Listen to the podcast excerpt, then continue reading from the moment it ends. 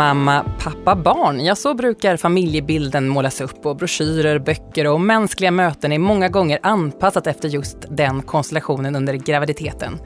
Men om det är två mammor, två pappor eller kanske bara en mamma utan pappa, hur är det att vänta barn då? I det här avsnittet av Gravidpodden från Babygruppen pratar vi om att skaffa barn utan att ha den där traditionella hetero-kärnfamiljen. Jag som leder podden heter Anna-Karin Andersson och vid min sida har jag som vanligt Åsa Holstein, legitimerad barnmorska. Hej Åsa! Hej Anna-Karin! Eh, du har sagt att ditt intryck är att eh, samkönade par och ensamstående mammor ofta är bättre förberedda på föräldraskapet än, straighta par. Eh, hur menar du då? Hur menar jag då? Jag tycker oftast om det är så att man får eh, tänka till lite och kanske gå lite andra vägar till mötes för att bli gravid, så har man också haft mycket tid att fundera kring hur man ska bli som förälder, hur man ska lägga upp sitt föräldraskap. Så det är min erfarenhet att... Att det faktiskt skulle kunna vara en fördel då, ja. för de som inte har det här normativa Fördel på det sättet att man i alla fall har tänkt igenom oftare, mycket noggrannare, hur eh, föräldraskapet ska vara och hur man ska lägga upp sitt föräldraskap. Mm. Men om du ska vara lite självkritisk då, eh, och, och, våga utsätta dig själv och dina eh, kollegor för, för kritik på något sätt. Eh, på vilket sätt tror du att, att barnmorskor kan ha förutfattade meningar om gravida och utgå från att alla lever ihop med den blivande pappan? Och hur kan det i så fall påverka mötet, tror du, med, med gravida? Jag tror att barnmorskor kan ha förutfattade meningar på alla sätt som alla andra människor kan ha förutfattade meningar om saker. Eh, och vi har förutfattade meningar, eh, alla människor. och det finns, ja, normen är ganska snäv. Eh, jag tror att vi har mycket fördomar om unga mammor, om för gamla mammor, om eh, mammor som skaffar barn med äldre män. Att det finns en uppsjö av fördomar som vi bär med oss.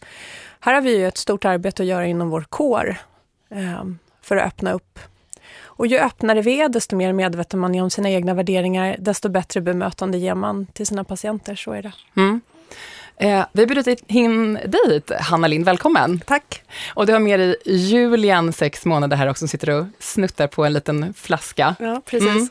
Mm. Eh, eh, du har valt att skaffa barn eh, på, på, egen hand. Mm. Eh, och du åkte till Köpenhamn för att få eh, insemination där. Ja. Vad, hur gick tankarna bakom dina tankar om att bli gravid? Eh, det ändrades helt plötsligt när jag strax efter jag blev 30, jag är 35 nu, eh, då ville jag helt plötsligt ha barn och befann mig inte i någon relation. Det var inte det som var det viktiga för mig. Det var en längtan efter, efter barn? Det var en längtan efter barn och inte så jättestor längtan efter en partner egentligen. Jag har en stor bekantskapskrets, jag har en jättefin familj, mamma, pappa, bror och hans fru. Och eh, har vänner som inte kanske lever alltid så som normen säger. Så för mig var det inte så konstigt. Jag hade flera i min närhet som också hade varit i Köpenhamn. Mm. Så då blev det det. Mm. Så det var med kompisar som du bollade då dina eh, gravidplaner? Ja, kompisar, kollegor, eh, studiekamrater, ja, folk man träffade. Mm. Ja. Med kollegor också? Ja. Det var tufft. Ja. ja. Och, och din, ditt tredje inseminationsförsök eh, lyckades. Mm. Eh, när du visste att du blivit gravid, vem, vem, vem pratade du först med då? Eh, allra först var det med min bästa vän. Eh, och sen var det mamma och pappa. Ja. Mm. Hur var det, gjorde du testet då själv hemma eller var kompisen med? Eh, kompisen var med. Ja, det var, hon var mm, det? Mm. Ja. ja hur, hur, hur kände du då? Ja, jättehäftigt. Jag gjorde ju testet så tidigt så det var ju fånigt. Men så jag gjorde typ tio test tror jag, ja. totalt. Eh, Okej, okay. ja. det är inte enligt din linje egentligen Åsa? Du har sagt enligt, att, enligt min privata linje så ja, har jag har gjort samma att, sak. Vänta lite, okej. Okay. Lever inte som du lär med andra ord. Eh, hur var det att gå till mödravården då, första gången? Eh, med tanke på just att du skaffat barn på egen hand, tänker jag. Det var absolut inga problem. Jag hade en fantastisk barnmorska. Eh, som, det var inget ifrågasättande överhuvudtaget. Eh, utan hon frågade, eh, hur ser din familjesituation ut? Finns det en pappa? Finns det en annan mamma? Finns det, eller är du ensam?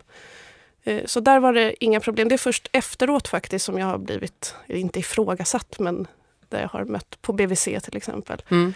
Hur tänker du då, då? På vilket sätt? Där frågade de om pappan och så sa jag att det finns ingen pappa.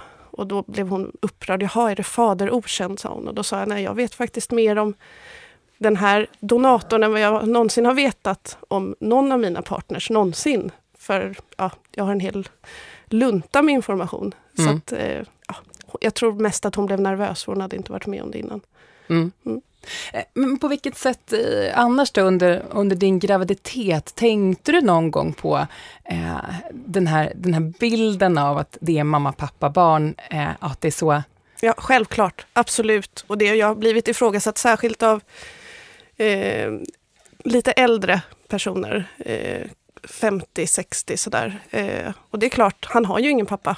Han kommer aldrig ha en pappa heller. Han kommer ha manliga förebilder i, i sitt liv ändå. Eh, och, alltså, det är en egoistisk handling att skaffa barn. Det hör man ju, skaffa barn. Det, det är inte för hans skull jag har honom. Alltså, nu är det ju det, men eh, eh så naturligtvis har jag tänkt på det. Men mm. inte, det har inte varit något hinder. Jag kommer ge honom en fantastisk uppväxt utan en pappa. Kunde du känna dig utanför för att du inte stämde in på den här normativa bilden? Nej, inte så. Mer att man tänkte att vad mysigt det verkar att vara två i början. Ja. vad skönt att ha en till där. Ja. Mm. Hur förberedde du inför förlossningen då? Ja, jag gick på profylaxkurs med min bästa vän som var med under förlossningen och som är jätteengagerad i mitt och Julians liv. Eh, och hon var med under förlossningen också. Så jag hade en fantastiskt stöttande partner vid sidan av, fastän det inte var någon pappa där. Mm. Mm. Vad skulle du vilja ge för råd eh, till andra som, eh, som har barn eller funderar på att skaffa eller är gravida nu som, eh, som Kör inte på. har den här? Kör på! Kör på, gör det. Det är fantastiskt. Och eh, var öppna med det. Det är inte så himla farligt att vara det, eh, faktiskt. Vi, vi är många som är i den här situationen. Och jag, när jag har börjat prata om det så har jag märkt vad många det är som, eller det är ju naturligtvis de flesta är mamma, pappa, barn ändå, men eh, kör på. Mm. mm. Vill du ha barn så försök. Till de här 50 och 60-åringarna som kan vara lite skeptiska, eh, du som nu då har haft din lilla gulliga Julian här i sex månader, eh, har, du nå, eh, har du lärt liksom att stå till svars och har till andra en möjlighet att så här kan man faktiskt svara på Ja, jag, oförskämdheter. Ja, nu har jag inget standardsvar i huvudet nu direkt då såklart. Eh, men eh, jag, jag tycker inte det är jobbigt att bli ifrågasatt längre. För att eh, det här är en jättetrygg och glad liten pojke som jag har. Och han, han kommer få det bra i livet. Mm. Mm. Eh, jag tänker så här, måste man alltid ge folk ett svar då? Nej, Eller naturligtvis hur? inte. Nej. Så måste man alltid förklara sig? Nej. Nej, Eller hur? Det behöver man inte. Det är inte så att när vi är på öppna förskolan att jag säger, och jag är singel förresten. Nej. Det är liksom, det kommer Varje morgon när du nej, lämnar. så att, nej, det är klart man inte behöver. Man behöver inte göra en så stor grej av det. Nej. faktiskt. Nej. Ja.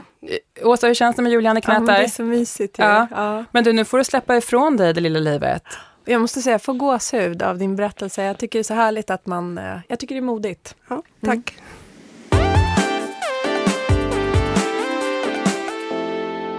Då har vi kommit fram till programpunkten Sant eller falskt. Här kastar jag ut lite olika påståenden och du Åsa, du säger helt enkelt om det stämmer eller inte. Är du beredd? Jag är beredd. Bra. Då börjar vi med första påståendet. Eh, som gay är det ingen idé att jag läser förlossningsförberedande böcker. De vänder sig ändå bara till heteronormativa par. Sant eller falskt? Falskt. Självklart kan man läsa förlossningsförberedande böcker för eh, heteronormativa par. Förlossningsprocessen, eller förloppet, är ju detsamma oavsett vad man har för sexuell läggning. Som blivande ensamstående mamma kan jag inte gå på profylaxkurs eftersom det förutsätter att man har med sig en partner. Sant eller falskt? Det är falskt. Du kan absolut gå som ensamstående mamma. Men jag kan varmt rekommendera att du tar med dig den som ska vara din partner när du föder. Som Hanna som, som Hanna. var med här i Gravidpodden, ett lysande exempel på detta. Eh, nästa påstående, att skaffa barn på egen hand eller leva öppet som regnbågsfamilj kräver boende i Stockholm. I andra städer och orter är det ju för mycket fördomar. Sant eller falskt? Där får jag nog svara så här, åsikt, det kan nog vara både sant och falskt. Lite lättare kan jag tänka mig en storstad. Mer människor ökar på mångfalden. Men det beror väl helt på vilket sammanhang man är i, där man bor. Som ensamstående mamma får jag gratis taxiresa till förlossningen. Jag har ingen som kan skjutsa mig dit. Sant eller falskt? Falskt. Samma regler gäller för dig som för alla andra som skaffar barn. Och slutligen, eh, vi är två gaymammor och två gaypappor som ska få barn ihop. Vi måste välja vilka som är med på förlossningen. Alla fyra får ju inte plats. Sant eller falskt? Falskt. Alla fyra får plats. Och mera till. Punkt säger jag. Alla är välkomna.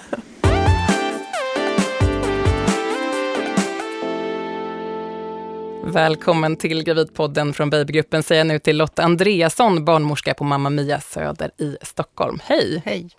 Eh, du jobbar inom en verksamhet som vänder sig till HLBTQ-personer. Många mm. bokstäver där. Bland annat. Bland annat.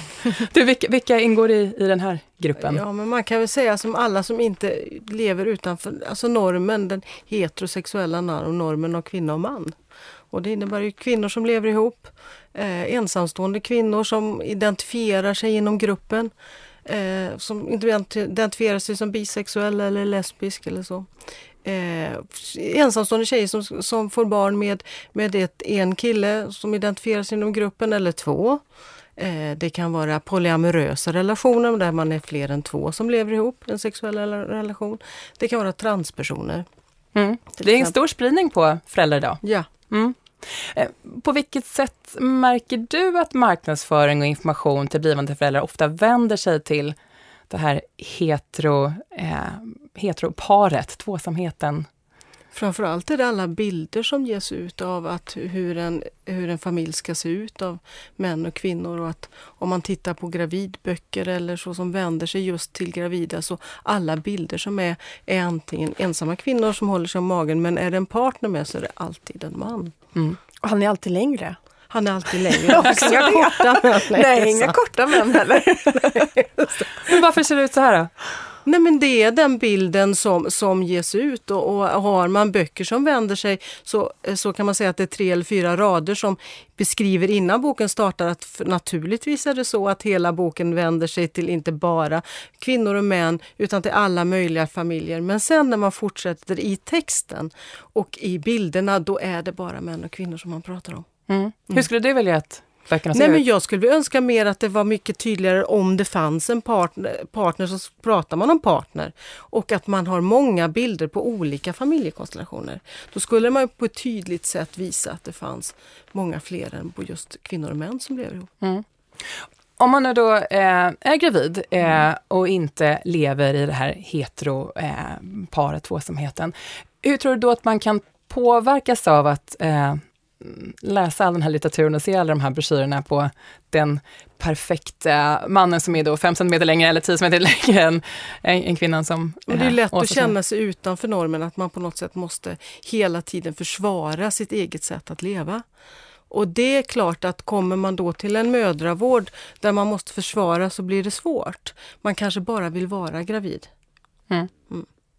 Bemötandet på, på mödravård eh, och andra kontakter man har, under, mm. hur tror du det kan, kan påverkas av att, att vi har den här så tydliga eh, normen som vi Ja, men jag tror att det, man kan ju titta, det är, det är gjort väldigt mycket studier både i Sverige och utomlands där man ser att, att man, man känner sig ifrågasatt och att man, man måste känna av stämning så fort man kommer till en mödravård till exempel. Hur Kommer den här barnmorskan tycka det här är okej? Okay? Jag är inte säker på från början om jag, om jag, att, att jag vet det.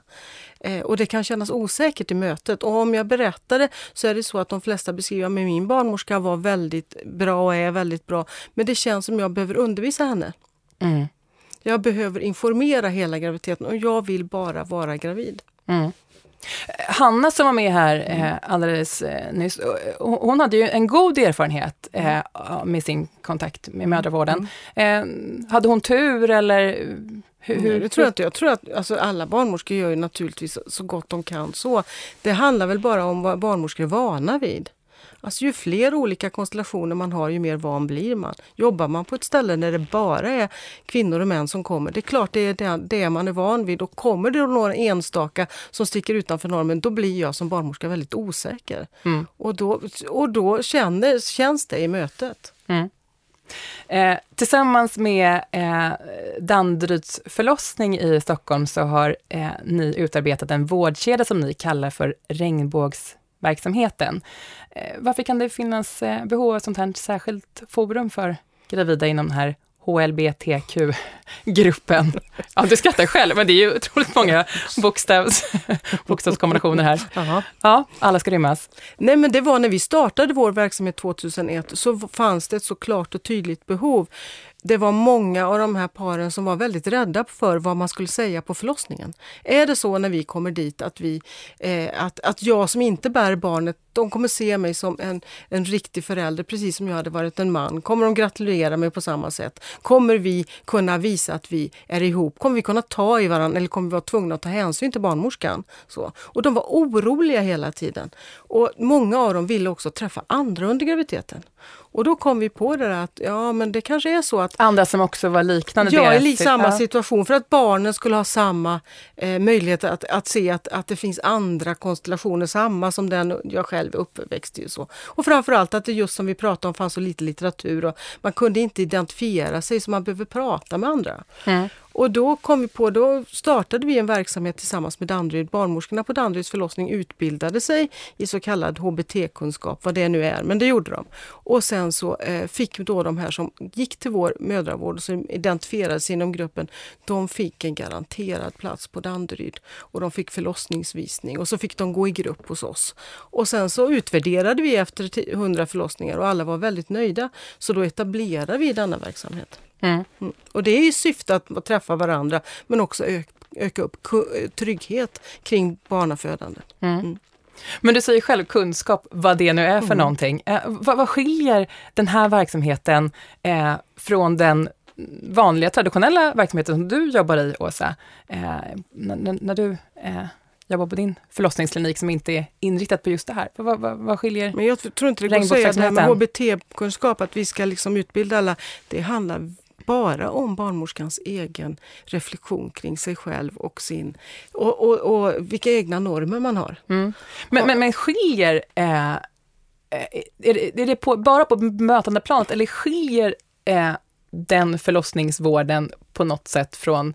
Nej, det eh, kan jag inte säga. Nu jobbar jag ju inom mödravården. Mm. Men alltså jag, jag, det, alltså jag tror att ju mer tiden går, naturligtvis är det så att man kan föda på vilket sjukhus idag som helst och få, få bra vård. Men jag tänker att i takt med att tempot ökar i vården, ju mindre reflektion finns det. Och reflektion måste vi ha i vården för att själva, för vi använder oss själva som redskap hela tiden. Mm. Och då behöver man jobba på ett ställe där man har tid för det. Mm. Det jag tror du funderar om är, är själva liksom vården annorlunda. Är det det du undrar Anna-Karin? För det är den ju inte. Jag ger ju ingen annan vård som barnmorska om eh, jag har ett sånt här, Ja. en sån här föräldrakonstellation, än jag skulle ge till ett heteronormativt par. Det är samma medicinska vård, men det är det här, mitt förhållningssätt. Och det är det som är så viktigt att vi barnmorskor reflekterar kring eh, och jobbar med. Att man har väldigt koll på sina egna värderingar. För de där värderingarna, eh, de sipprar igenom. Mm. Så De gör det? Ja, men så är det Hur, hur absolut. då, tror du? Nej, det kan vara någon liten ton tror jag. Mm. Något litet ord. Mm. Eh, och när man föder är man, man är känslig när man är gravid, men man är extremt känslig när man föder barn. Man är ju helt, eh, man är ju naken liksom i ordets alla bemärkelser. Så man plockar upp allt. Och då är den här tryggheten så, så viktig och att man känner sig... Ja, jätteviktigt. Mm. Det handlar om grundläggande men, liksom, respekt för alla människor. Mm.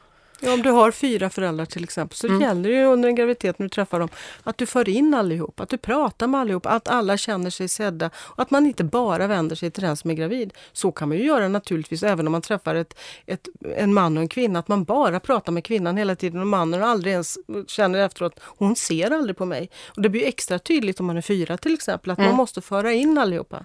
Ja. Ja. Och, då är all, men, och då är alla med. Ja. Man kan vara... Vi säger att jag träffar någon tio gånger under graviditet, då kan det vara som man är fyra eller fem föräldrar, att alla är med varenda gång. Åh, vilket härligt! Ja. Det blir som ett långt stort kafferep. Hela, det är helt fullt i, i, rummet. Eh, men nu jobbar du i, i Stockholm, Lotta Andreasson, Mm. eh, och, och verksamheten, här, regnbågsverksamheten eh, finns här. Mm. Eh, vi hade på Sant eller falskt eh, en punkt som handlade just om Mm. det här med var i Sverige man är någonstans. Vad skulle du svara på den frågan? Om, om man är någon annanstans än i Stockholm, vad har jag för möjligheter att få... aj- det finns ju ingen verksamhet i Sverige som, som jobbar på det sättet som vi jobbar, inte i norra Europa. Där är liksom, Alltså, så det handlar mycket mer om den enskilda mottagningen i takt med att det kommer andra regnbågsfamilj, blivande regnbågsfamiljer dit. Mm. Att det ökar den? Ja, det folk- ökar Mm. och då kan man säga, men äh, det är inga som har jobbat utefter det sättet som, som jag känner till, som, som jobbar som vi gör. Nej. Får ni patienter från övriga landet? Ja, Ja. från Dalarna och Ja. från Norrköping och så. Att man går, man vill hellre gå sin mödravård hos oss. Och det tycker jag på något sätt att åka så långt för att gå mödravård hos oss, det är ju för att man inte känner sig sedd. Det är ju på något sätt lite beklämmande att man tänker att du ska ju kunna och ni ska kunna gå var som helst Mm. i, i Sverige. Så att egentligen så skulle du önska att De Den här kom. verksamheten Ja, men på ett sätt. Och egentligen är det på ett sätt, varför behöver man en sån här typ av verksamhet? Man skulle kunna gå på vilken annan mödravårdscentral som helst, men i den bästa av världar så är det faktiskt fortfarande så att, att man kan känna sig utanför den här normen. Alltså. Mm. Mm. Om vi blickar lite bakåt då. Eh, vad, vad, är, vad är er bild? Hur, hur har eh, den här synen på föräldraskap utanför heterokärnfamiljen ändrats eh, med tiden?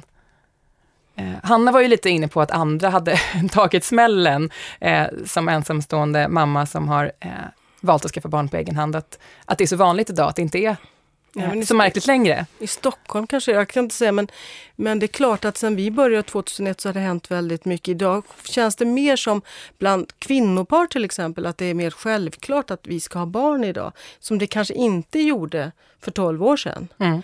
Eh, Det jag ser idag när jag pratar med många tjejpar till exempel, så frågar jag hur ser din familj ut? Är de glada? Och alla säger ja, våra föräldrar är jätteglada, mamma och pappa. Men för tio år sedan var det inte så. Då sa de föräldrarna till hon som inte bar barnet att ja, men du måste förstå att ja, men du, du, du, du, vi blir ju inte mormor och morfar nu, utan du, du blir ju aldrig mamma till exempel. Det hör jag inte idag. Mm. Så det har ju Det hänt. går framåt. Ja, det går Ja, absolut att det gör det. Ja. Ja, och att gruppen har, har Blivit, vidgat ja, absolut. de som, eh, Ja. som uppsöker Ja. er. Att det inte... Och Att man, det här med familj ser väldigt olika ut. Mm. Mm. Men eh, är det trots allt någonting då som förenar alla de här som identifierar sig med eh, gruppen som, som kommer till er? Alltså, eh, finns det någonting som för samman Hanna här som har valt att skaffa barn på egen hand med den här polyamorösa familjen eller eh, gaypapporna och gaymammorna? Alltså, Ja, en längtan efter att få barn. Det är det som binder dem samman. mm, och inte vara i... Alltså, Det egentligen, är, egentligen handlar det bara om att, att, att få en glädje över att vänta barn och, att, och den svårighet som det, och mycket som kan väckas med att, att vänta barn, men att få barn. Det är detsamma oavsett hur man lever. Så det är det som, som för dem samman. Men sen kan, sen kan det upp, utanförskapet upplevas på många olika sätt. Mm. Eh, De som inte är den här mamma, pappa, barn-konstellationen, oavsett vilka eller vem det är, får ofta frågan om hur barnet har blivit till. Eh, varför får eh, de här det, den frågan så ofta? Därför är det spännande att veta hur det här barnet har kommit till. Och ni två kvinnor, hur har den kommit in där?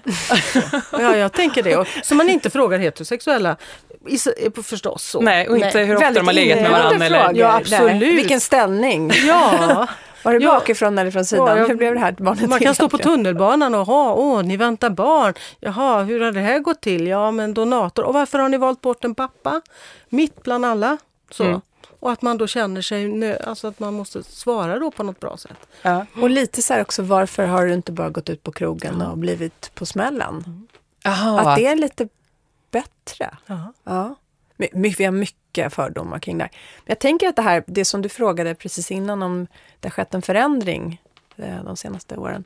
Jag tänker att det går hand i hand lite också med fertilitets... Eh, hur vi kan behandla, eh, och gö- göra, hjälpa kvinnor bli gravida. Att den forskningen och den kunskapen också har ökat de senaste tio åren ganska mycket. Och möjligheterna att bli gravid på andra sätt än genom ett traditionellt samlag har ökat också.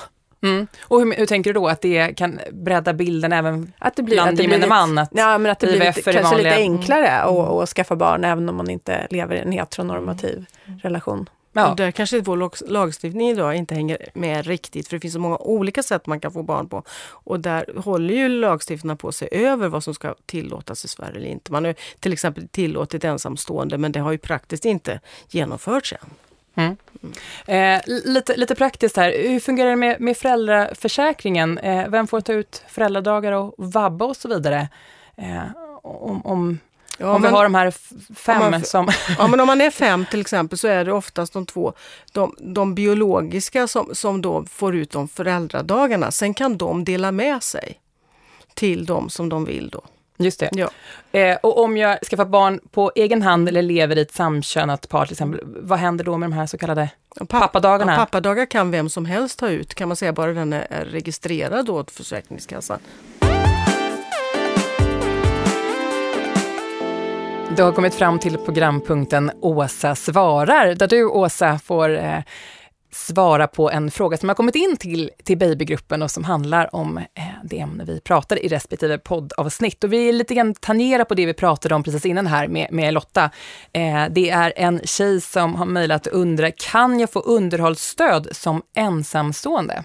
Vad säger du, Åsa? Bra fråga. Jag har Mm. kollat upp det med Försäkringskassans specialist på området. Du kan få underhållsstöd som ensamstående om fadern är okänd.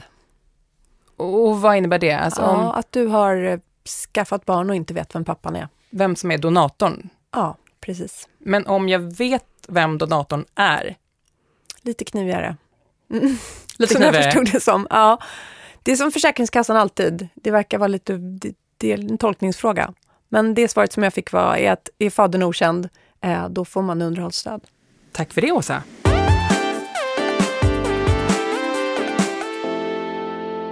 Lotta Andreasson, barnmorska på Mamma Mia eh, Söder i Stockholm, är med eh, fortfarande här i, i studion.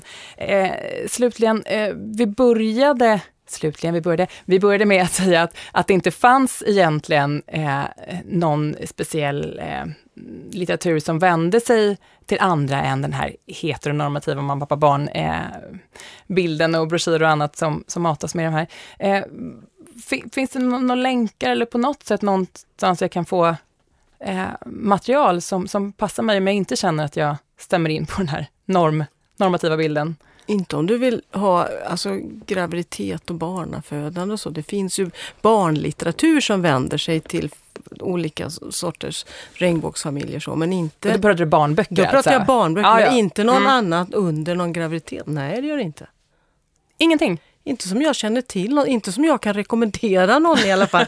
Alltså det beror på, det är klart att det finns länkar i- hur, att du, Danmark, att du kan åka till vissa fertilitetskliniker och så, men det finns ingenting generellt sett. Nej, Nej. gör det inte. Finns det några råd eller tänkvärda tips då som du kan dela med dig av hur man kan allmänt tänka för att bättre bemöta gravida som inte lever som normen och den här mamma, pappa, barnbilden? Jag tänker väldigt mycket att titta över sig själv och sitt eget, sitt eget tyckande. Vad är det jag tycker och vad är det jag känner inför för det här? Eh, då tror jag att man kommer väldigt långt. Mm. Att var och en ska, ska Var, ta varje, bar- om, nu, om ni vänder oss till barnmorska Ja, eller, vård, eller- vården eller vem det nu än är. vem det än är, så tänker jag. tänker jag att det är väldigt viktigt att titta över sig själv. Vad är det jag tycker? Mm. För det kommer att i mötet signalera. Man visar precis som Åsa sa, med väldigt små rörelser eller ja, man nickar på ett visst sätt och så fattar man precis. Mm. Mm. Och i och med det så tackar jag dig Lotta Andreasson, barnmorska på Mamma Mia Söder i Stockholm. Och tack säger vi även till Hanna Lind som var med och berättade om hur det är att skaffa barn på egen hand utan partner. Och vi som tackar det är jag, Åsa Holstein, legitimerad barnmorska. Och jag som heter Anna-Karin Andersson. Och då återstår bara att informera om att Gravidpodden från Babygruppen görs av produktionsbolaget Munk.